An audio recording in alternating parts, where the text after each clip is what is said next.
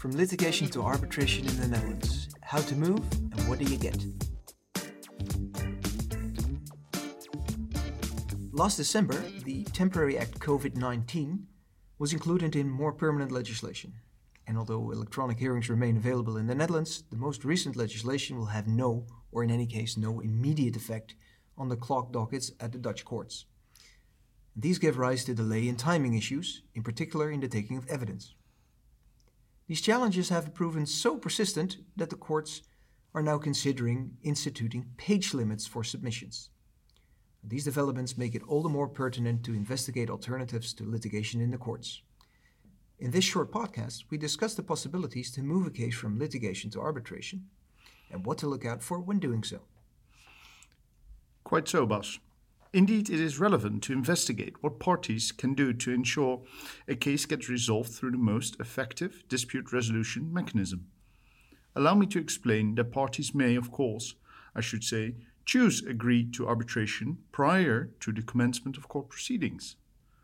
They may also do so when they already have made a choice of forum clause. The new agreement to arbitrate in the form of a submission agreement then trumps the choice of forum clause that was agreed earlier. In addition, under Dutch law, parties may opt to bring a matter or matters already pending before a court to arbitration. This again requires the conclusion of a submission agreement. The Dutch Arbitration Act requires no more than such a submission agreement to, and I quote, describe the matters which the parties wish to submit to arbitration this description is not subject to any specific requirements and may be general.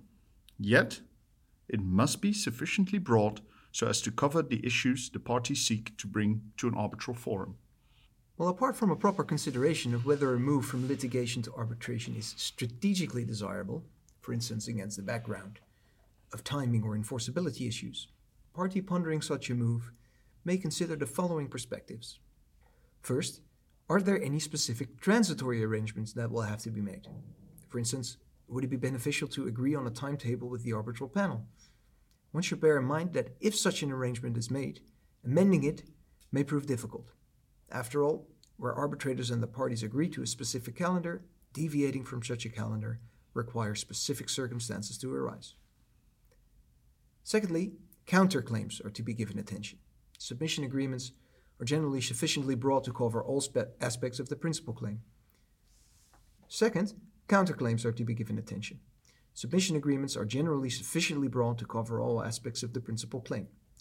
Parties will, of course, want to avoid that the submission agreement does not cover counterclaims, perhaps counterclaims that are still to be instituted, and leave jurisdiction on such claims with the court. Third, it should be considered that arbitrations are much more suited to cater to evidentiary matters, including document production, also as a matter of Dutch legal culture. This, of course, may or may not be to a party's advantage in a particular matter. Fourth, there's the issue of language. Language may deserve consideration in the context of bringing a case from courts to arbitration. Lastly, how about the possibility of interim relief proceedings? In particular, in arbitral proceedings under the Netherlands Arbitration Institute's rules, Parties should be aware that a move to arbitration involves the possibility of interim relief proceedings before an arbitral panel. On this particular point, and the options it brings in furthering the resolution of a dispute, a specific podcast will be available via our app, The Dutch Legal Angle, as well as on our website. Our conclusion is that moving a case from the courts to arbitration may prove an enticing option.